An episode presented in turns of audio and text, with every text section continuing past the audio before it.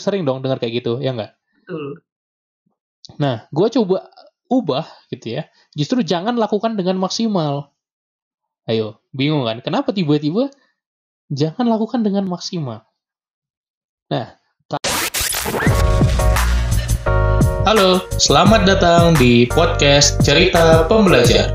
Kamu akan mendengarkan cerita mengenai pengalaman, gagasan, dan pembelajaran.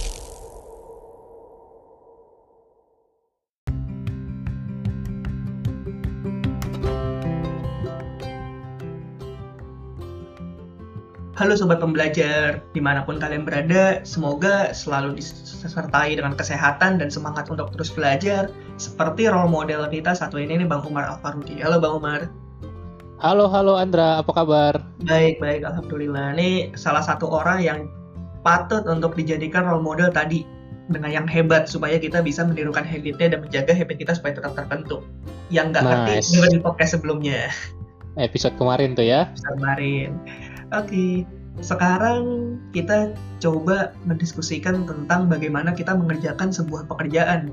Di mana sering nggak sih kita merasa kayak terlambat untuk memulai. Ini ada satu contoh kasusnya di mana kayak gue pingin punya sebuah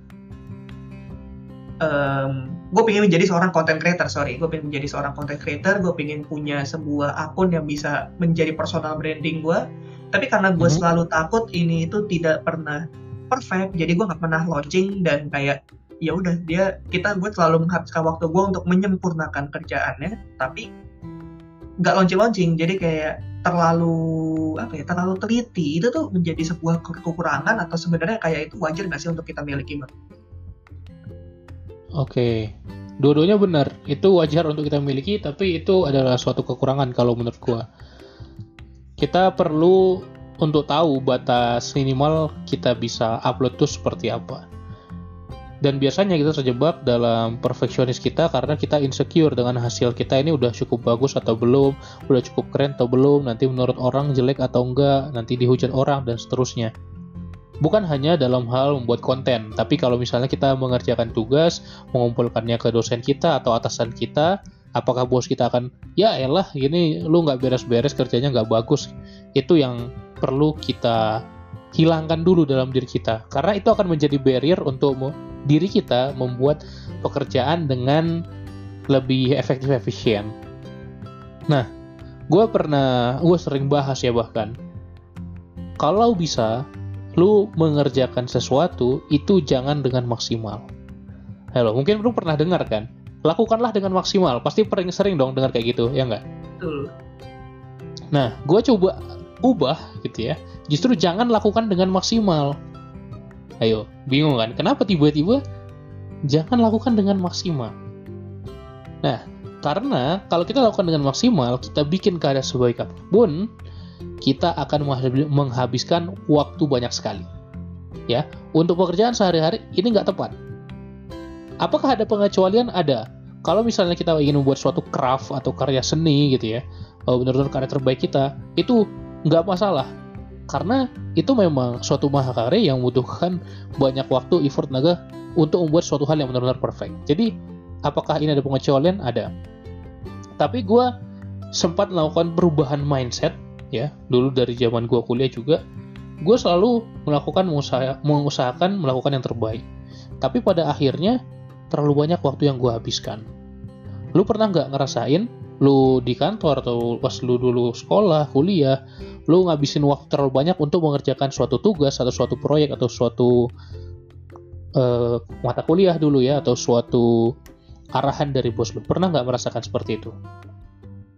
pernah sih beberapa kali sih terutama kalau emang kuliahnya gue senang dosennya gue suka Mhm. kalau emang kuliahnya gue nggak senang dosennya gue nggak suka ya kayak yang penting finish itu gue menerapkan prinsip efisiensi 100% tapi kalau misalkan Ah. kayak dosennya gue suka mata Hmm. kuliahnya gue nyaman itu gue merasa malu gitu kalau gue memberikan sesuatu yang busuk ya sesuatu bukan busuk sih sorry sesuatu yang kurang maksimal jadi kayak eh, kalau misalkan dia emang mata kuliah penting biasanya gue pasti sediain waktu yang lumayan banyak supaya kerjaan gue tuh bisa seperfect mungkin salah satu contohnya Hmm. misalkan tugas akhir kayak di tugas akhir gue itu cukup memberikan semua effort yang bisa gue berikan jadi kayak emang waktunya sengaja jadi lebih lama. Tapi ya emang itu penting untuk sebagai satu-satunya tugas yang cuma sekali datang di kehidupan gue selama gue S1 gitu. Itu sih. Tapi nggak Oke, nggak jarang juga ini jadi beban kalau misalkan kayak tuntutannya tinggi tapi dosennya ngeselin kebayang nggak? Jadi kayak. Eh, dosennya ngeselin tapi kalau gue nggak maksimal nilai gue C. Jadi nggak bisa asal ada nih nah itu tuh gue kadang ya ya udah akhirnya gue membutuhkan waktu yang lebih banyak lagi untuk menyelesaikan tugas tersebut biasanya kayak gitu sih kalau zaman gue kuliah Oke, nice, nice. Memang gue juga sama ya pernah merasakan hal yang serupa kayak gitu. Dan tadi lu udah mention prinsip efisiensi. Itulah yang pengen gue bahas pada episode kali ini. Kita jangan melakukan dengan maksimal, tapi kita lakukan dengan optimal. Nah, apa bedanya maksimal dengan optimal? Jadi kalau misal lu membuat sesu- sesuatu gitu ya, maksimal itu kalau hasilnya itu 100% jos gitu ya, full, terbaik, perfect. Nah, optimal itu adalah lu menggunakan effort lu sekecil mungkin untuk mendapatkan hasil yang sebesar mungkin. Jadi mungkin hasilnya nggak 100%, tapi 80%, 90% kualitasnya, tapi lu hemat waktu, hemat energi, hemat sumber daya, sehingga bisa lu alokasikan untuk kegiatan yang lain. Gua kasih contoh nih. Jadi anggap misalnya efisiensi itu adalah hasil yang kita peroleh dibagi usaha yang kita keluarkan.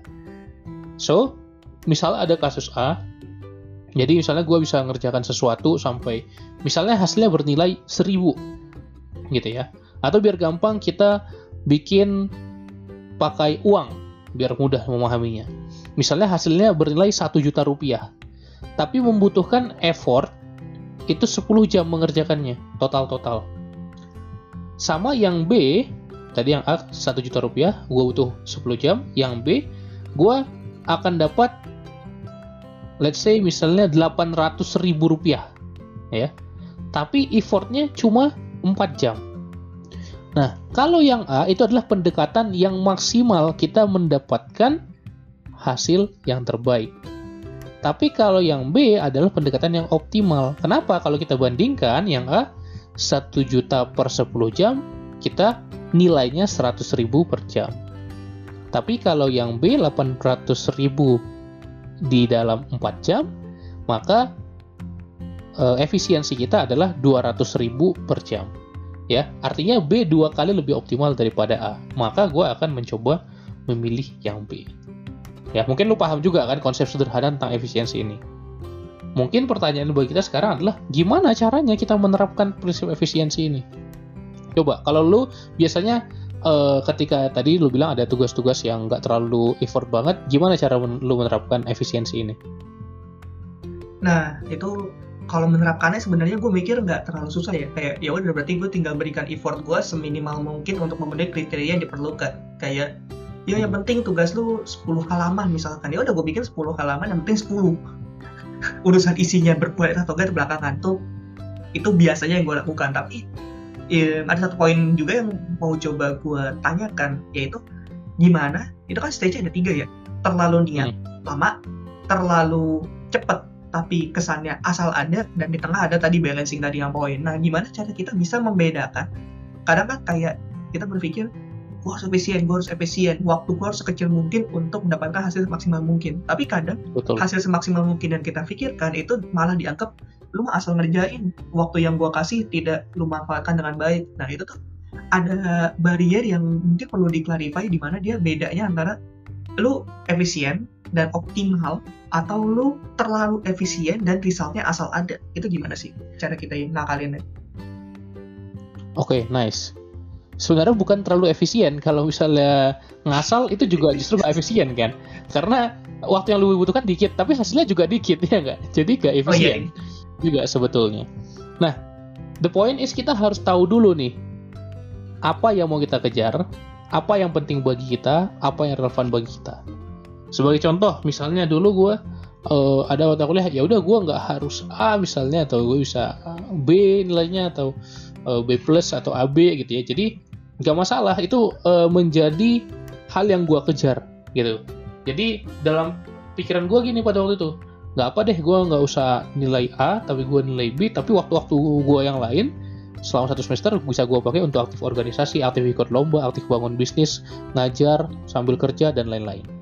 Nah, itu adalah choice. Itu adalah pilihan kita. Nah, kalau lu memang mengejar uh, misalnya nilai A gitu ya, kalau di kampus kuliah dan nilai A. Nah, lu pikirkan apa saja yang lu butuhkan untuk memperoleh nilai A. Setelah itu, lu identifikasi effort apa saja yang bisa lu lakukan supaya lu mencapai hal-hal tadi gitu ya. Misalnya untuk nilai A ternyata di mata kuliah ini yang penting mah ujian aja gitu ya. Tugas-tugas bobot nilainya mungkin cuma 10%, tapi ujian bisa 30%, 40%, 50%. Kalau di total dua kali ujian mungkin 80% dari nilai akhir. Jadi kalau lu e, bisa perform yang bagus di ujian, ya udah sebenarnya tugas-tugas gak terlalu relevan. Ini contohnya, dan gue pernah menerapkan ini ya udah ketika di ujian gue beneran belajar sebisa mungkin supaya ujian gue nilainya bagus tapi ketika setiap ada tugas uh, ada PR ya gue ngerjainnya sekedar-sekedar aja gitu nggak masalah karena secara hasil akhirnya itu akan bisa memberikan gue nilai dapat nggak bro gambarannya oke berarti sebenarnya tergantung minimum kriteria yang emang diminta ya Iya, dan minum kriterianya itu kita yang memilih kan, kita yang menentukan. Nah, kalau misalnya minum kriteria dari bos kita, ya kita tanya gitu ya, apa yang paling penting Pak sebenarnya? Akhirnya kerja kita jadi lebih efisien. Oke, itu gue dapat gambarannya gimana cara kita membedakan diri kita antara asal ada dan efisien. Sekarang pertanyaan gimana caranya supaya kita bisa jadi efisien, Pak? Oke, caranya supaya kita jadi efisien, kita harus uh, miliki ya mindset untuk mengubah dari maksimal menjadi optimal. Jangan melakukan dengan maksimal, tapi lakukanlah dengan optimal. Satu hal yang paling penting banget adalah kita melawan perfeksionis dalam diri kita. Jadi kita nggak perlu bikin yang bagus banget, yang sempurna. Kenapa? Karena toh nanti kita, ya kalau kita membuat sesuatu, kita bisa revisi, kita bisa ada sesuatu yang kita pelajari. Jadi hal-hal terus terus kita iterasi, kita ulang-ulang terus gitu. Jadi kita bikin aja, misalnya kalau di konten contohnya kita post, nanti kalau ada yang kurang bagus kita perbaiki next. Dan akhirnya itu akan meningkatkan speed kita gitu. Lebih banyak yang kita bikin, lebih banyak kita belajar. So, caranya adalah melawan perfeksionis, nggak perlu membuat yang sempurna banget, nggak perlu yang hasil terbaik banget. Yang penting cukup baik aja, bukan jelek ya. Nangkap ya bedanya ya. Kalau misalnya jelek itu skornya 0, 10, 20, baik itu 100, terbaik itu 190, kita mungkin bisa bermain di level 70, 80. Kita berikan diri kita, oke, okay, kualitas minum gue itu 70 gitu. Jadi kalau ada salah-salah dikit, ya udah nggak masalah. Daripada kita uh, memperbaiki hal-hal yang nggak relevan gitu ya. Mungkin kalau kita, gue pernah banget nih pengalaman uh, bikin suatu presentasi buat ya buat seperti ada project gitu ya tugas tugas di suatu mata kuliah terus gue bikin presentasinya nah sekitar ya mungkin seperempat waktu gue gue gunakan buat uh, ngebikin gitu ya naruh poin-poin utama presentasi gue tiga perempatnya lainnya yang sisanya itu untuk mendesain supaya terlihat cantik apik bagus jadi supaya ya kayak dia desain grafis gitu padahal itu nggak terlalu diperhatikan yang penting kan poin utamanya apa apakah gue tidak perlu mendesain sama sekali? Enggak juga. Tapi gue bisa memangkas waktu itu menjadi ya yang seperlunya, yang secukupnya gitu. Jadi nggak perlu overkill juga. Gitu. Dan ini ngaruh juga loh. Ketika kita gagal dan telah memberikan banyak usaha, itu bakal bikin kita kecewa gitu. Kalau misalnya kita gagal, udah memberikan effort banyak. So, kalau saran gue, gimana? Kan mungkin gini ya, oke okay, bang, caranya adalah melawan perfeksionis caranya adalah stop perfeksionis. Gimana caranya itu? Bener gak betul sih. Kayak iya gue mau gitu nggak perfeksionis tapi gue perfeksionis banget bang. Gimana caranya? Nah caranya adalah pilihlah standar minimal hasil yang lo mau dan cari titik optimal yang bikin hasil perusahaan lo efisien jadi cara melawan perfeksionis adalah pilih standar minimal lo sendiri gitu Ah, oke okay, oke okay, oke. Okay. Thank you, thank you banget atas sharingnya Bang Umar. Jadi buat lo yang masih sering merasa menghabiskan waktunya terlalu lama untuk suatu kerjaan yang sebenarnya mungkin bisa lo efektifkan waktunya jadi dengan dengan menurunkan sedikit result tapi menghemat waktu yang jauh lebih banyak itu mungkin lo bisa dengan cara pertama ubah mindsetnya dari maksimal menjadi optimal dan yang kedua hindari menjadi perfeksionis. Karena sebenarnya dengan lo perfeksionis di satu tas sebenarnya lo bisa bikin tiga tas yang optimal dibanding tadi dengan satu tas yang kelar tapi waktunya habis terlalu banyak. Dan gimana juga Bang Umar yang udah sharing atas info ini? Buat lo yang merasa punya teman yang mengalami hal yang sama dengan lo yang merasa terlalu perfeksionis dan cenderung jadinya tidak terlalu produktif dalam hidup karena terlalu perfeksionis dalam satu atau dua task dan melewatkan 5 sampai 6 task yang sebenarnya bisa lo optimalkan, lo bisa banget share podcast ini ke IG story biar kita sama-sama belajar, biar lingkungan lo juga sama-sama membantu saling bahu membahu dan gotong royong untuk menjadi pribadi yang lebih produktif lagi. Dan buat lo yang suka dengan konten-konten seperti ini, silahkan follow kita di Spotify di Cerita Pembelajar.